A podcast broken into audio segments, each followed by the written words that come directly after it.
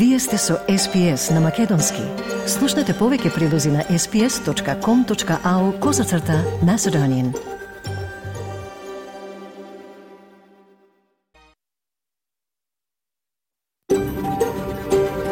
SBS, a world of difference. You're with SBS Macedonian on mobile, online, and on radio. Вие сте со SPS на Македонски, на мобилен, преку интернет и на радио.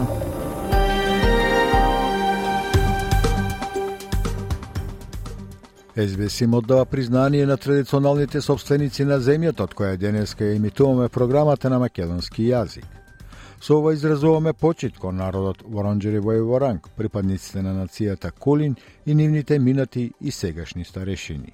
Признание исто така им оддаваме на традиционалните собственици на сите земји на абориджините и народите од Торе Стрейт островите, од чија земја ја слушате нашата програма.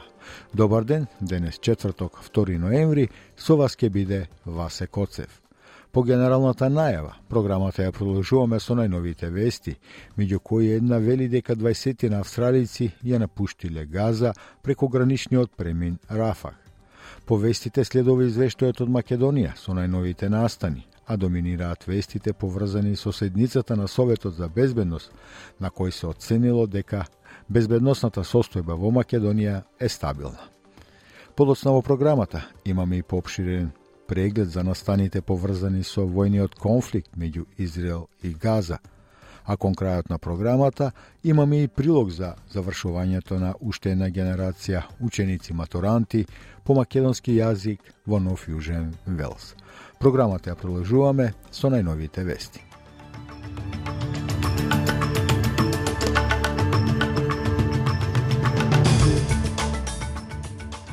Од денешниот билтен вести издвојуваме. Владините представници изразуваат олеснување поради веста дека 20 на австралијци успеале да побегнат од Газа. Обединетите нации велат дека продолжува да биде очена ситуацијата со внесувањето хуманитарна помош во Газа и безбедносната состојба во Македонија е стабилна, оцени Советот за безбедност свикан од страна на председателот Стево Пендаровски.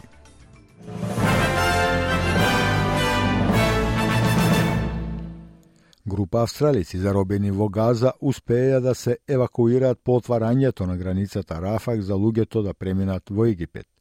Одделот за надворешни работи и трговија потврди дека 20 на австралици ја напуштиле палестинската енклава преку преминот во Египет. Телевизискиот канал Ал Джезира објави поголема бројка дека 34 австралици преминале го преминале граничниот премин во средата. Катар посредуваше во договорот меѓу Египет, Хамас и Израел, координиран од САД за отварање на граничниот премин. Групата од 20 австралици кои преку ноќта успеја да избегаат од конфликтот во Газа преку преминот Рафа, изразија благодарност до сите оние кои им помогнаа да ја напуштат воената зона. Еден од членовите на групата ја опиша ситуацијата во Газа како катастрофална. It's just been uh, uh, an awful situation, I can't describe it. It's just beyond description. It's just something that I have never been through, something that I never saw in my life. It's just, it's just a disaster, atrocity, Holocaust, if you want to call it Holocaust. It's even worse, worse than Holocaust. And there I am. I'm just so glad to leave. Во меѓувреме, министерката за надворешни работи Пени Вонг вели дека сега е полесно што австралијците успеале да избегаат од конфликтната област.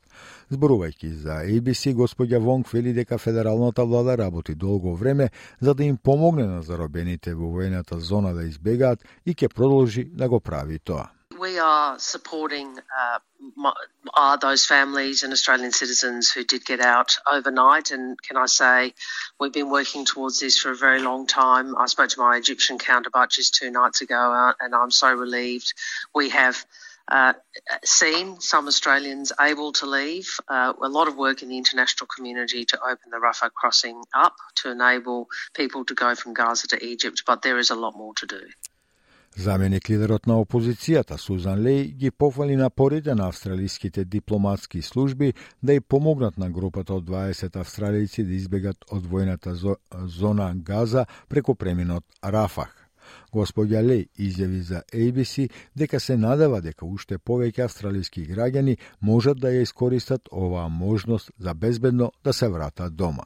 It's a testament to the strong work of our diplomatic services behind the scenes. We do this work incredibly well across the world, as the recent release of Chung Lai from China demonstrated, Patricia. So, of course, we're pleased that Australians have been able to make it through the Rafah crossing. Uh, I don't know the intricate details, obviously, as I'm not a member of the government, nor am I a member of the National Security Committee of Cabinet. But I'm pleased to see that Australians are able to leave. Портпаролот на генералниот секретар на Обединетите нации Стефан Дујерич вели дека и понатамо е очена ситуацијата со доставувањето хуманитарна помош во Газа. Израел им дозволи на меѓународните хуманитарни групи да испратат повеќе од 200 камиони со храна и лекови да влезат од Египет во изминатите 10 дена, но хуманитарните работници велат дека тоа не е доволно. Господин Дујерич вели дека генералниот секретар Антонио Гутереш повторно повикува на прекин на насилството. The Secretary General reiterates that all parties must abide by international uh, law, uh, international humanitarian law, including the principles of distinction, proportionality, and precaution. He condemns in the strongest terms any killings of uh, civilians. And of course, on a, on a broader, uh, broader framework, the Secretary General continues to call on all parties to bring an end to this shocking violence, pain, and suffering. Владата на Хамас вели дека израелските воздушни напади погодуваат стамбени згради во бегалски камп во близина на градот Газа втор ден поред, предизвикувајќи многу жртви и повредени а ризикот да се случи терористички напад во Македонија во моментов е на средно ниво. Пред 7 октомври, практично пред активностите на милитантната група Хамас врз Израел во земјата, експертите оценили дека немало закани од овој тип. Ова го соопшти Златко Апостоловски, национален координатор на стратегијата за насилен екстремизам и тероризам, а пренесува телевизијата Сител ние се уште се движиме до средено ниво на, на ризик. Значи, се уште, кога ќе ги правиме тие стручни проценти за ризик, се уште се доведуваме врз основа на параметрите кои ги имаме дека сме на средно ниво на ризик, кон ниско ниво. А работите може да се сменат многу брзо. Нивото на ризик од терористички напад во Македонија е зголемено поради опасноста од активирање на джихадски кели. Според информациите на италијанските разузнавачи на Балканот има околу 20 кели со 500 джихадисти започнаа напорите за опоравување од шумските пожари во населеното место Тара во Вестерн Даунс, при што жителите во регион, на жителите во регионот им беше кажано дека можат да се вратат со предпазливост, бидејќи предупредувањата на надледувај и действува остануваат за шест пожари низ Квинсленд. Властите за ворени состојби рекоа дека пожарите во Тара биле во рамките на ограничувањата во четвртокот и ќе продолжат да горат неколку дена. Некои луѓе ќе ги проценуваат нивните имоти за прв пат откако пожарите прв пат се појавија минатата недела. Многумина изгубија се. Премиерката Анастасија Палашеј вели дека 50 персонал за подршка за домување помагаат во Тара, додека се организираат и каравани и превремено сместување. Извршниот директор на Агенцијата за реконструкција на Квинсленд, Джейк Елвуд, следната недела треба да ги посети погодените области на конференцијата за економски и социјални перспективи, која се одржува денес, благајникот Джин Чарлмас призна дека владата, индустријата и синдикатите мора да работат во партнерство за да ја исполнат целта на емисии на Австралија. Австралија се обидува да испорача 82% електрична енергија од обновливи извори до 2030 година во обид да ја постигне целта на договорот од Париз за нето нула емисии до 2050 година. Господин Чалмерс вели дека пристапот на владата е амбициозен, но сепак уникатно австралиски. Really everyone with skin in the game here to make sure uh, that we can grab these vast industrial, uh, economic, and employment opportunities uh, in the net zero economy of the future. Една нова студија покажува дека некои работодавци во Австралија планираат да ги намалат платите за работниците кои продолжуваат да работат од дома во обид да ги вратат луѓето за своите работни места. Според извештајот Future of Work од адвокатската фирма Herbert Smith, додека некои компании се обидуваат да користат стимулации за да ги вратат луѓето на работното место, како што се настани, други следат по тврдокорен пристап. Градоначалникот на Перт, Базил Земпилас, изјави за Канал 7 дека се согласува дека луѓето треба да се вратат во канцеларијата. I've long maintained that the best place for workers is at work. The odd day at home for a bit of work life balance, fine. But not every day and not two days a week. Come to work. Work. That's what you're there for. That's what the job you've got is for. And the best place to do it well is in the office. Еден човек од Мелбурн се очекува да стане првиот човек обвинет според новиот закон во Викторија со кој се забранети нацистичките поздрави и символи. Детективите интервјуира 24 годишен човек по наводите дека забранетиот гест бил извршен пред судот во Мелбурн минатиот петок на 27 октомври. Полицијата вели дека човекот од Пойнт Кук се очекува да биде обвинет по покана за прекршување на новиот закон кој стапи на сила кон крајот на минатиот месец. Новиот извештај на независната think tank организација Beyond Zero покажува дека комерцијалните електрични возила представуваат 9 од 100 од емисиите во Австралија и тие би можеле да бидат одговор за ограничување на зголемените емисии на јаглерот. Австралиската индустрија за производство на автобуси и камиони вработува изброј работници како и индустријата за јаглен со огромен потенцијал за нов извор на економски раст и работни места. Организацијата Beyond Zero Emissions вели дека ретриинсталацијата на возилата со бензин и дизел горива и проширувањето на производството се клучни за декарбонизација на комерцијалниот патен транспорт, за која е потребна федерална подршка за да се стимулира индустријата. Тренерот на Матилдас, Тони Густавсон, веќе се плаши од селекционите главоболки со кои ќе се соучи на Олимпијадата следната година, бидејќи неговиот тим се поблиско е до резервирање билет за Париз. Австралија помина низ второто коло од квалификациите за Олимпијадата, победувајќи ги во Перт Иран со 2 спрема 0, Филипините со 8 спрема 0 и Тајван со 3 спрема 0, со што е на првото место во групата А во Азиската конфедерација. Матилдас сега ќе ги одмери силите со Узбекистан во двомеч плейоф надпревар во февруари, при што победникот ќе обезбеди место на Олимпијадата. Првиот надпревар ќе се игра во Узбекистан на 24 февруари, Австралија ќе биде домаќин на вториот надпревар на место кое допрва треба да се утврди каде ќе се игра 4 дена подоцна.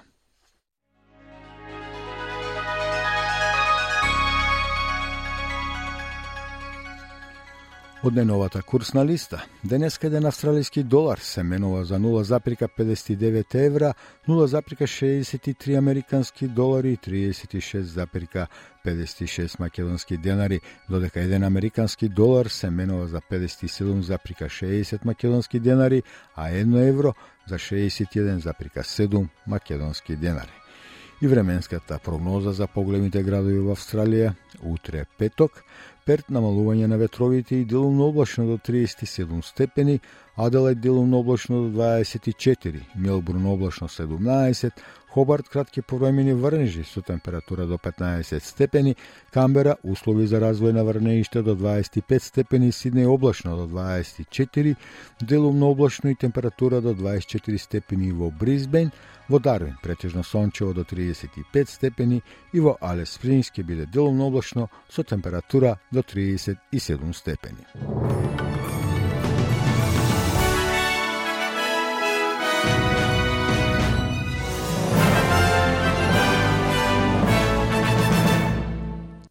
Програмата на македонски јазик на СБС радио ги слушавте најновите вести. Да ве подсетам, денешните вести можете да ги најдете подоцна во текот на денот на нашата Facebook страница SBS Macedonian или на нашата веб страница sbs.com.eu коса црта Macedonian. Секако тамо ќе ги најдете и останатите прилози и содржини, меѓу кои и денешниот извештај од Македонија, кого ќе имате можност да го слушнете после првиот блок маркетинг. Со вас почитувани до крајот на програмата останува Васе Коцев.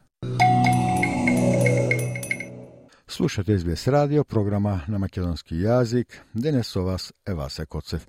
Следува извештајот од Република Македонија, денес подготвено нашиот сработник Милчо Јовановски известува за тоа дека безбедносната состојба во Македонија е стабилна според оценките на Советот за безбедност, а свикана од страна на председателот Стево Пендаровски. Исто така е подпишан и меморандум за разбирање меѓу владите на Македонија и на САД за експертска подршка за изработка на национална стратегија за безбедност.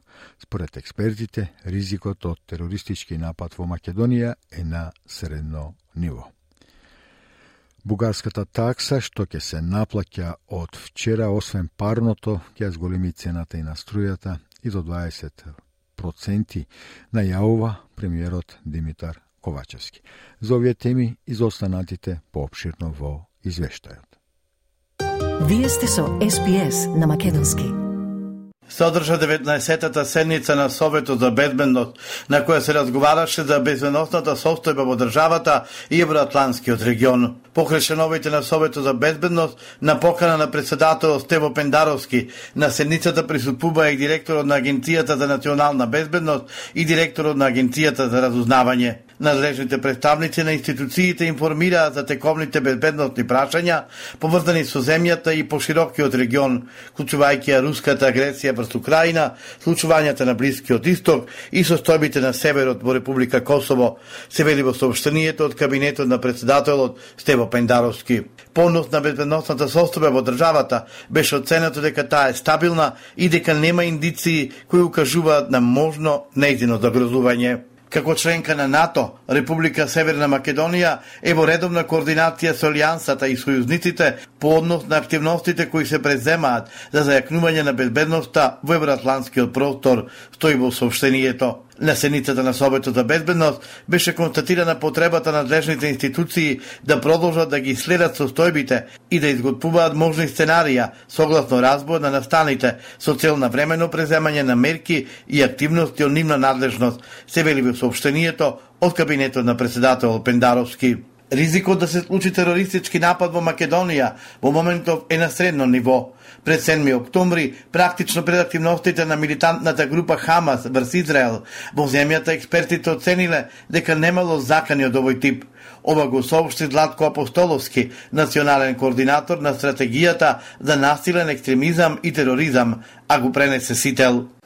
Ние се уште се движиме до средено ниво на, на ризик.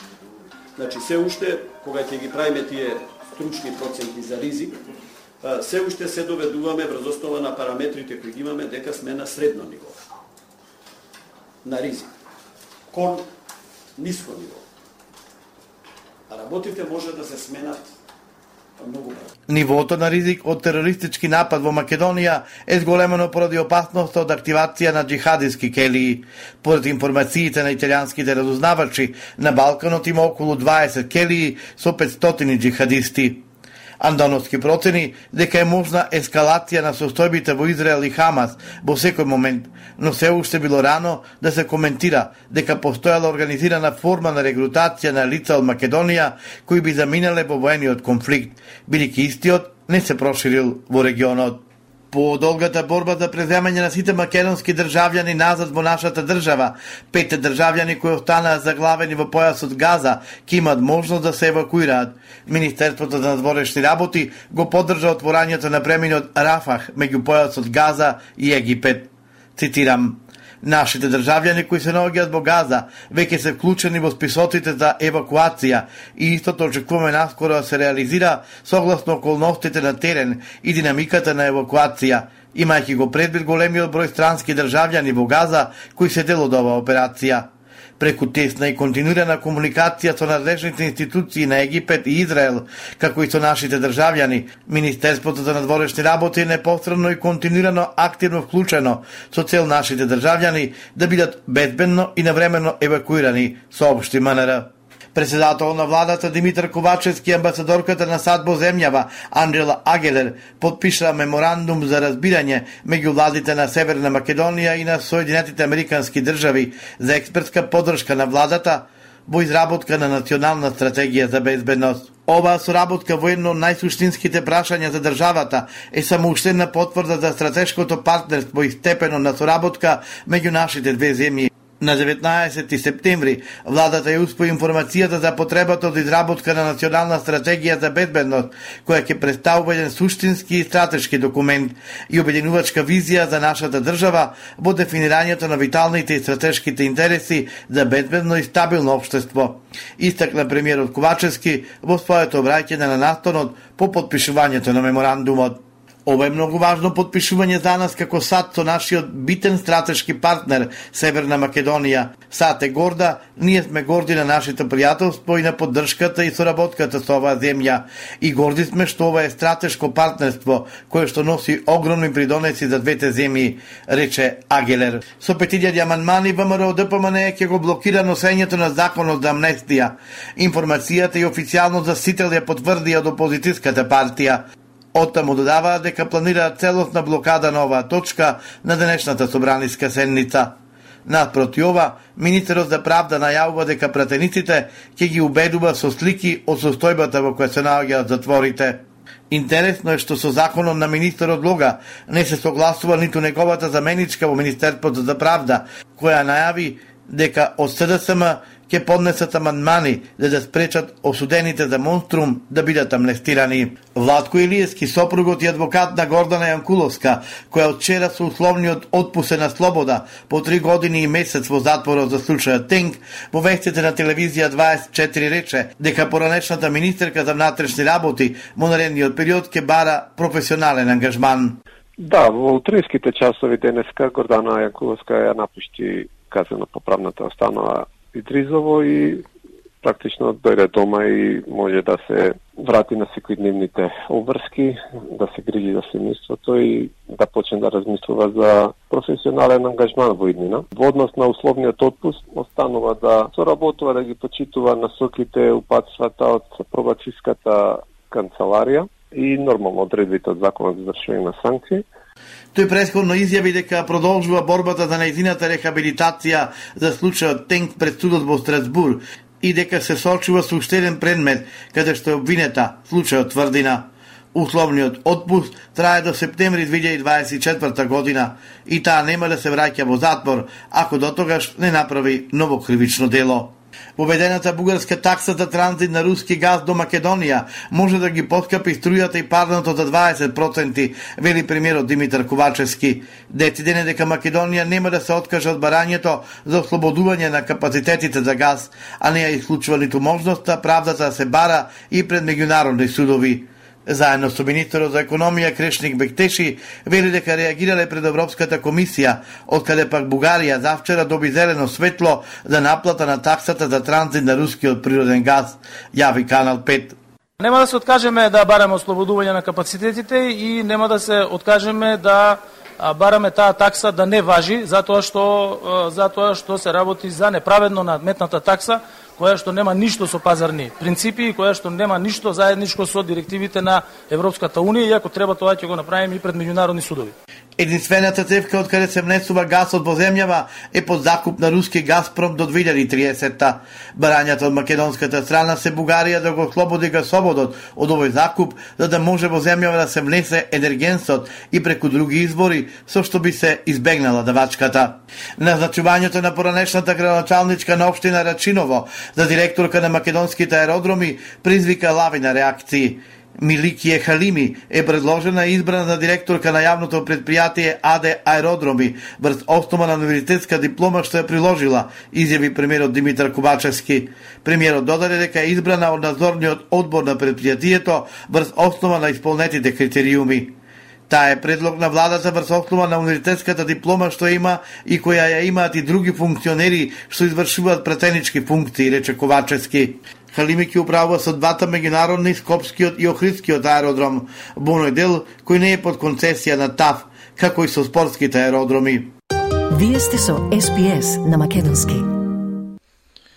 Токму така, вие сте со програмата на македонски јазик на Избес радио, што туку го слушнавте извештајот од Македонија, подготвен на нашиот соработник Милчо Јовановски, кој извештај ќе биде достапен подоцна на нашата веб страница и Facebook страница подоцна во текот на денот.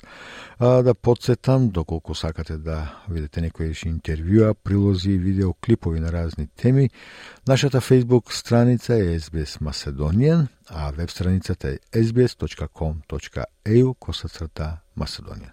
Следува мала пауза со една убава македонска песна и вториот блок маркетинг, а потоа програмата ја продолжуваме со останатите прилози. Слушате СБС радио, програма на македонски јазик. Денес со вас е Васе Коцев. Програмата ја продолжуваме со прилог од конфликтот помеѓу Израел и Хамас. Имено израелски воздушни напади погодија густо населен бегалски камп во појасот Газа, при што загина најмалку 50 палестинци и еден командант на Хамас. И милитантите на Хамас објавија дека имаат намера да ослободат некои неизраелски заложници во наредните денови. Прилогот за SBS News го подготви Пеги Јакомелос النزول لا تستطيع النزول طفلة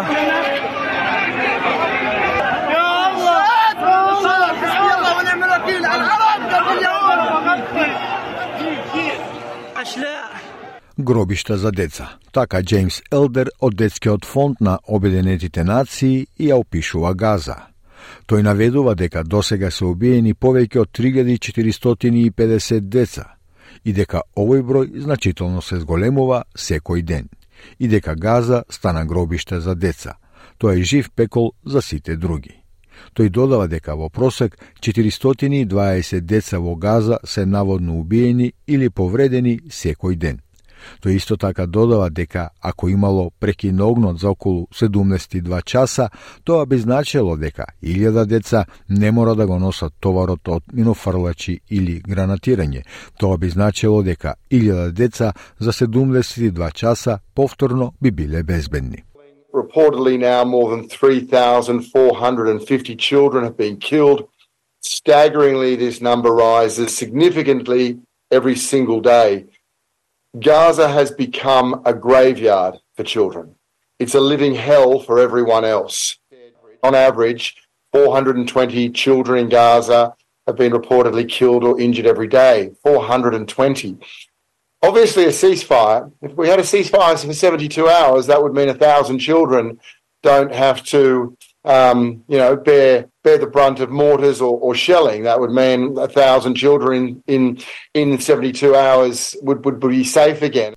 Израелската армија објави снимка од воздушни напади насочени кон бегалскиот камп Джабалија во северниот дел на Газа. Се вели дека во нападот загинал висок командант на Хамас и е оштетена големата мрежа на подземни тунели. Израелската војска го обвинува Хамас, кој владее со тесната крајбрежна територија, дека користи цивилни згради како покритие за борци, команданти и оружје, обвинувања кои Хамас ги негира.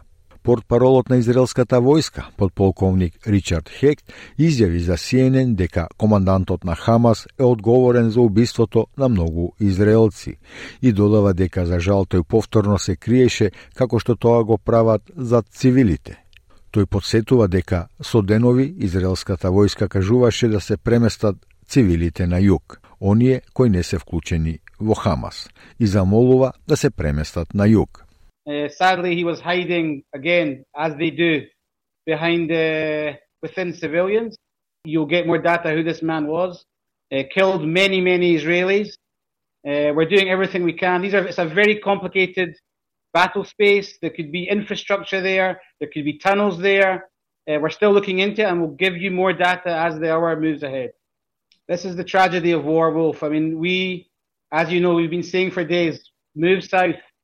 Civilians are not involved with Hamas, please move south. Воздушните напади предизвикаа хаос во индонезиската болница во Газа, според која 50 лица загинаа, а 150 се повредени во нападот на кампот Джабалија. Докторот Абу Сита, кој работи во болницата Алшифа во Газа, изјави за SBS News дека нема доволно резерви за лекување на жртвите. Тој додава дека ситуацијата е катастрофална. Снемува речиси се што може да помогне. Нема простор во болницата. Има над 2000 ранети пациенти во болницата, а капацитетот е само 600 кревети и додава дека им снемуваат и најосновни залихи за лекување. The situation now is just catastrophic. We have run out of almost everything that you can imagine is needed for treating over 20,000 wounded. There's no space in the hospital. We have over 2,000 wounded patients in hospital that had a bed capacity of around 600. And even the most basic of supplies we've run out. We've run out of dressings, we've run out of intravenous fluids, we've run out of blades, sutures, anything that we require is either finished or in the last few boxes left.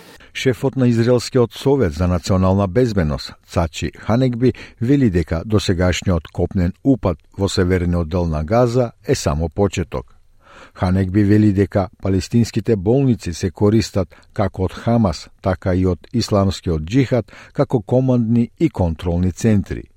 Тој ги повикува цивилите во северниот дел на Газа, вклучително и оние во болниците, да се преселат на југ. Ханекби вели дека медицинската нега може да се обезбеди во Египет и во пловечки болници на бродови, испратени од други земји или во теренски болници. Тој исто така вели дека Израел не е против влезот на хуманитарна помош со храна, лекови и вода преку Египет, но не дозволуваме ниту еден камион да помине без да биде проверен, бидејќи со години дознаваме што се случува на граничниот премин Рафа – Тоа во суштина беше цевководот за живот што му возможи на Хамас да стане посилен и на крајот видовме дека тие оружја дојдоа преку нив.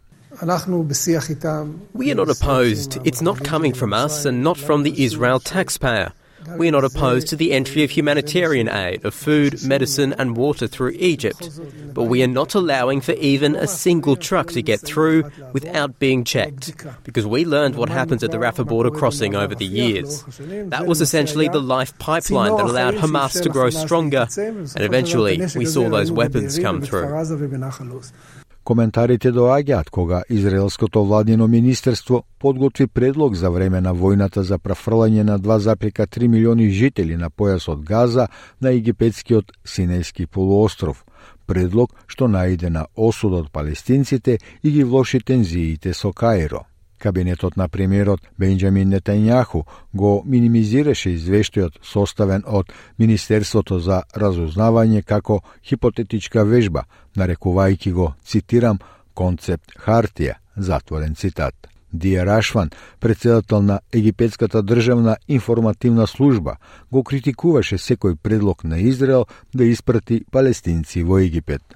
Тој меѓу другото вели дека Египет на јасен, искрен и строг начин нагласува дека никогаш нема да прифати депортација или раселување на кој било палестински брат во египетската земја, особено она што беше објавено за плановите што беа предложени од израелската страна до различни меѓународни страни, насилно да ги преселат нашите палестински браќа во Египет, Велидија Рашван. Egypt emphasises in a clear, honest, and stern way that it will never accept the deportation or the displacement of any Palestinian brother into the Egyptian land, especially what was announced and published about plans that were proposed from the Israeli side to various international parties to forcefully displace our Palestinian brothers to Egypt. من كل الجوانب Филипо Гранди, висок комесаријат за бегалци на Обединетите нации, инсистира на прекин на огнот. Тој вели дека изминатите три недели обезбедија катастрофален доказ за непочитувањето на основните правила на војната, меѓународното хуманитарно право, кое се повеќе станува норма, а не исклучок. The past three weeks have provided devastating proof that disregarding the basic rules of war, international humanitarian law, is increasingly becoming the norm and not the exception, with innocent civilians killed in unprecedented numbers. In the Hamas attacks on Israeli civilians and in the killing of Palestinian civilians and massive destruction of infrastructure caused by the ongoing Israeli military operation. Милитантите на Хамас објавија дека имаат намера да ослободат некои неизраелски заложници во наредните денови. Абу Обеида, портпарол на бригадите Ал-Касам, потврдува дека ослободувањето било договорено со посредство на земји кои тој не ги откри. Израел ја бомбардира Газа од нападите на 7 октомври, кога милитантите на Хамас убија 1400 луѓе и земаа најмалку 239 луѓе како заложници. Министерството за здравство во Газа, управувано од Хамас, вели дека повеќе од 8500 луѓе се убиени во тие израелски напади. Се проценува дека 3500 од тие смртни случаи се деца.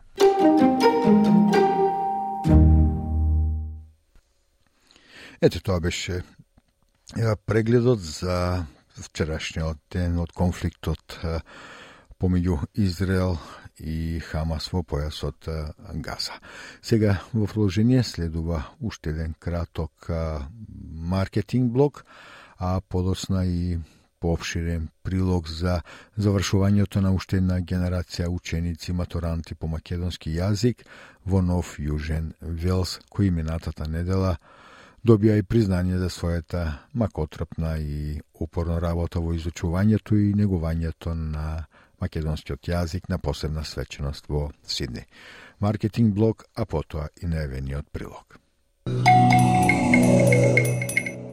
Како и што најавивме пред блокот маркетинг, следува повширен прилог за уште една генерација на матуранти по македонски јазик во Нов Јужен Вилс, кои минатата недела добија признание за својата макотрпна и упорна работа во изучувањето и негувањето на мајчиниот јазик на свеченост во Сиднеј, организирана од Македонскиот просветно училишен одбор за Нов Јужен Велс. Повеќе детали за овој настан ќе слушнеме во прилогот што го подготви колешката Радица Бојковска Димитровска. Македонскиот просветно училишен одбор за Нов Јужен Велс, основан во 1978 година, кој што има огромна улога во воспитно-образовниот процес, оваа година прославува 45 години од своето постоење, 4,5 децении за време на кои организираше настава за над 17.000 ученици во државата. Наставата по македонски јазик во државата започна во 1976 година во училиштето во населбата Ньютаун, каде тогаш имало 450 ученици во 11 класови. А истата година е отворено и училиштето 11 октомври во населбата Јагуна, каде што само во првата година се запишале над 100 ученици. Матурантите генерација 2023 и присутните на свечената вечер ги поздрави председателката на Македонскиот просветно училишен одбор за Нов Јужен Велс, Жаклина Михајлова. Почитувани гости, добре ни дојдовте. Македонскиот просветно училишен одбор Како што знаете е непрофитна организација која веќе 45 години го негува и слави македонскиот јазик на овие простори. Изучувањето на македонскиот јазик најпрво започна во домовите на македонците уште со доаѓањето на првите иселеници во 19. век.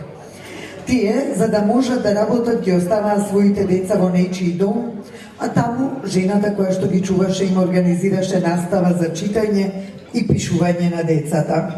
Во една куќа се чуваа 20 до 25 деца секој ден. Во 70-тите години на овој век, на минатиот век, се отворија првите официјални училишта во Нов Јужен Велс.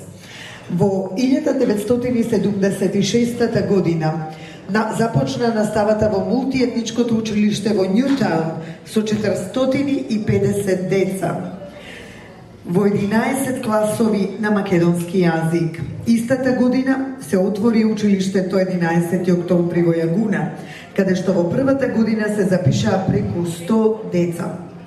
Толку многу години обстојуваме како организација, благодарение на вас, честните македонци, кои го донирате вашето време за да ги носите децата на македонски јазик. Донирате средства, но и верувате дека со изучувањето на македонскиот јазик, вашите деца стануваат попаметни, поснаодливи и не си ги забораваат корените.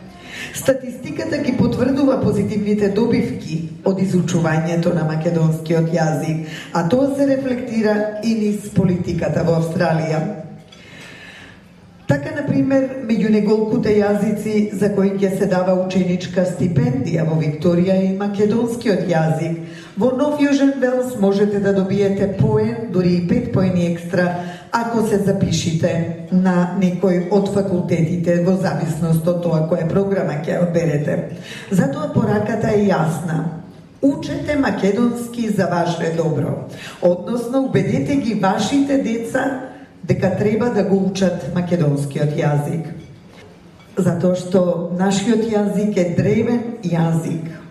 Председателката на одборот Михајлова упати честитки до дипломираните ученици со порака да не ги забораваат своите македонски корени, подсетувајќи ги дека изучувањето на македонскиот јазик не само што е значајно за нивниот личен развој и врска со нивното потекло и култура, туку и за успехот на македонската заедница и воопшто на австралиското општество како едно од најмултикултурните во светот.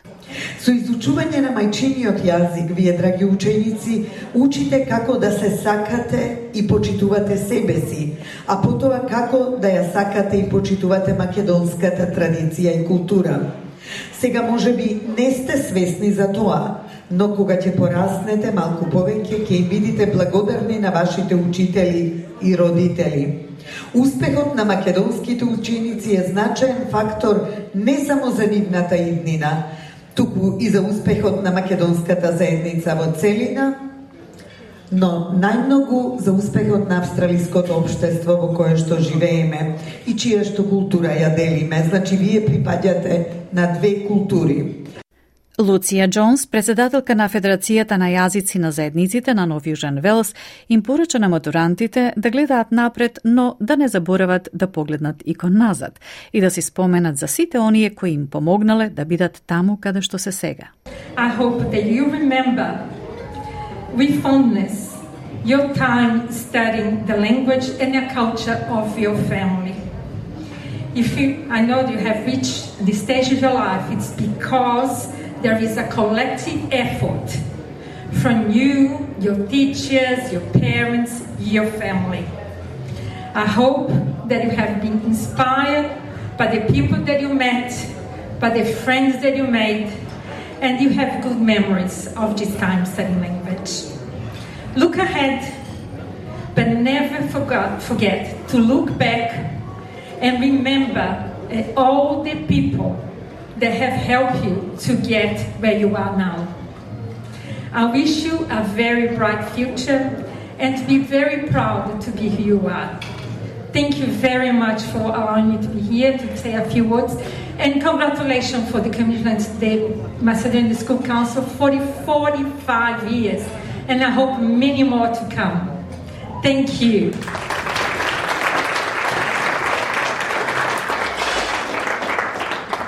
Анджела Лайнс во име на председателката на Secondary College of Languages, Сана Зрејка, исто така упати честитки до вредните матуранти и нагласи дека познавањето на друг јазик го оформува нашиот идентитет, помага да ја вреднуваме собствената култура и нашето потекло. Нека вашиот јазик биде светилник на надеж и катализатор за позитивна промена. Имајте големи соништа и верувајте во себе, им порача на матурантите господица Лајенс. To the Macedonian Council of New South Wales, 45 years, wow, what an achievement. You and everyone that has supported this organisation continues to make a difference in your community. And it's wonderful that we're able to get together and we'll continue to get together for many years to come to celebrate always the achievements of our wonderful Year 12 Macedonian students. At the Secondary College of Languages, we are very privileged to offer, to offer different community languages where students can access their heritage language. This year, 694 students in Year 12 studied a language with us as part of their HSC subjects. Speaking another language, and you've heard it already, shapes our identity, it helps us value our culture and our heritage.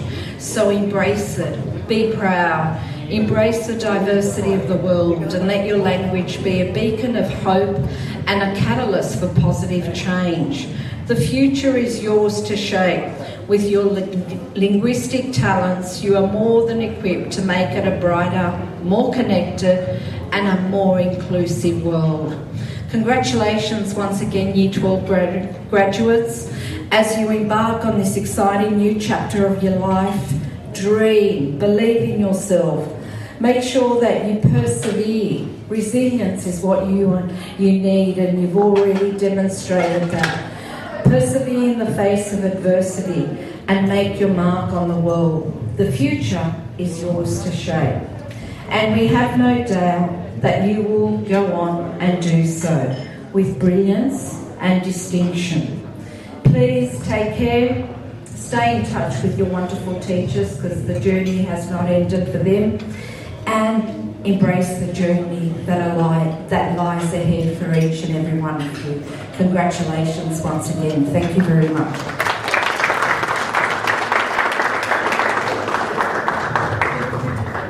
Пред присутните се обрати и поранешниот долгогодишен, а сега почесен председател на Македонскиот просветно училишен одбор за Нов Јужен Велс, господинот Тоде Кабровски.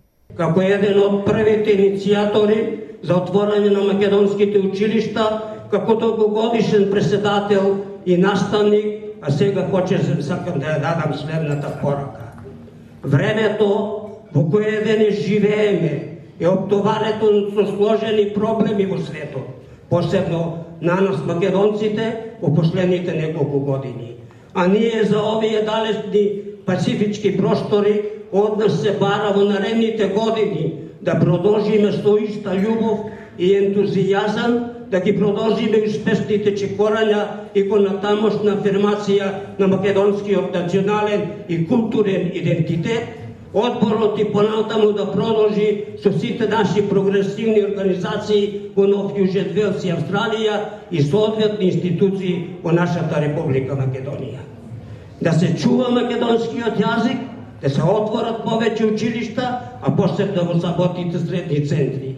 Е еден од главните елементи а што ем го учат јазикот, ем ја збогатуваат квотата на бодови кои потоа им се неопходни за упис на некој од австралиските факултети. Децата кои зборуваат и пишуваат македонски јазик ќе останат вечни македонци. И не дозволувајте да ги изгубиме како македонци. Драги студенти, големи честитки и ви посакувам успех во еднина. Браво, сите сме горди да живее Македонија, нека се вечни Македонија и Австралија. Ви благодарам на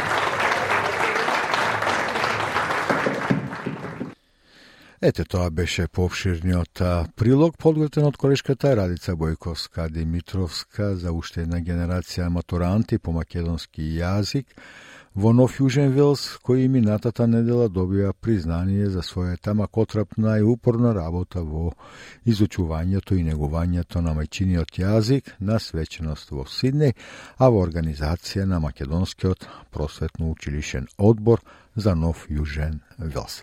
Со тоа, почитувани слушатели, полека се ближиме до крајов на денешнава програма, уште наш да ве подсетам на најважните настани на денот – Владините представници во Австралија изразуваат олеснување поради веста дека 20 на австралијци успеале да побегнат од Газа. Обединетите нации велат дека продолжува да биде очајна ситуацијата со внесувањето на хуманитарна помош во појасот Газа, а безбедносната состојба во Македонија е стабилна, оцени Советот за безбедност свикан од страна на председателот Стево Пендаровски. И за крај почитувани, пред да ви посакам пријатно попладне и да бидете повторно со нас утре, петок точно напладне, Да ве подсетам дека за интервјуа, прилози и видеоклипови на разни теми посетете ја нашата Facebook страница SBS Macedonian или веб страницата sbs.com.eu косацрта. Македонија. А за крај, повторно, еден сегмент од вечерта во чест на Маторантите генерација 2023 во Нов Јужен Вилс, кој доби уште посвечена атмосфера со изведбата на младата виолинистка Виолета Шопова, на македонски популарни песни, инаку самата Виолета Шопова е поранешна матурантка по македонски јазик во училиштето во Когара. Убав а, момент да ја слушнеме Шопова токму на крајот од нашава програма. Пријатно поплане. Добро вечер на сите. Јас сум Виолета Шопова и голем чест ми е вечер што можам да ви отсвојам неколку македонски песни на виолината.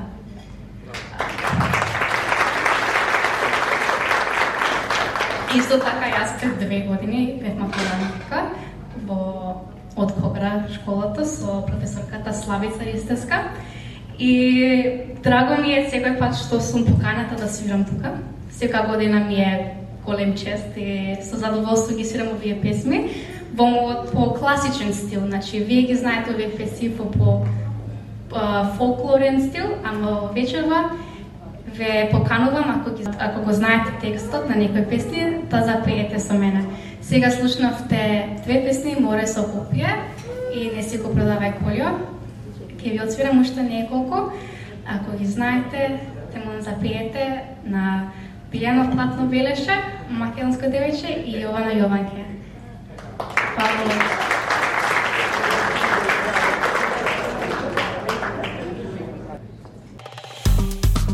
Стиснете, ми се допаѓа, споделете, коментирајте. Следете ја SPS на Македонски на Facebook.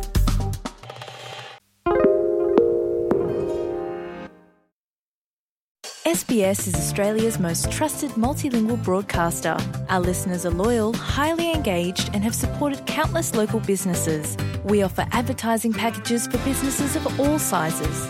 Our experienced sales team will guide you through the process of owning a great campaign. Bring your own ad or have our production team make you something in one of our 68 languages. Start the conversation with your new audience today. Email sales at sbs.com.au.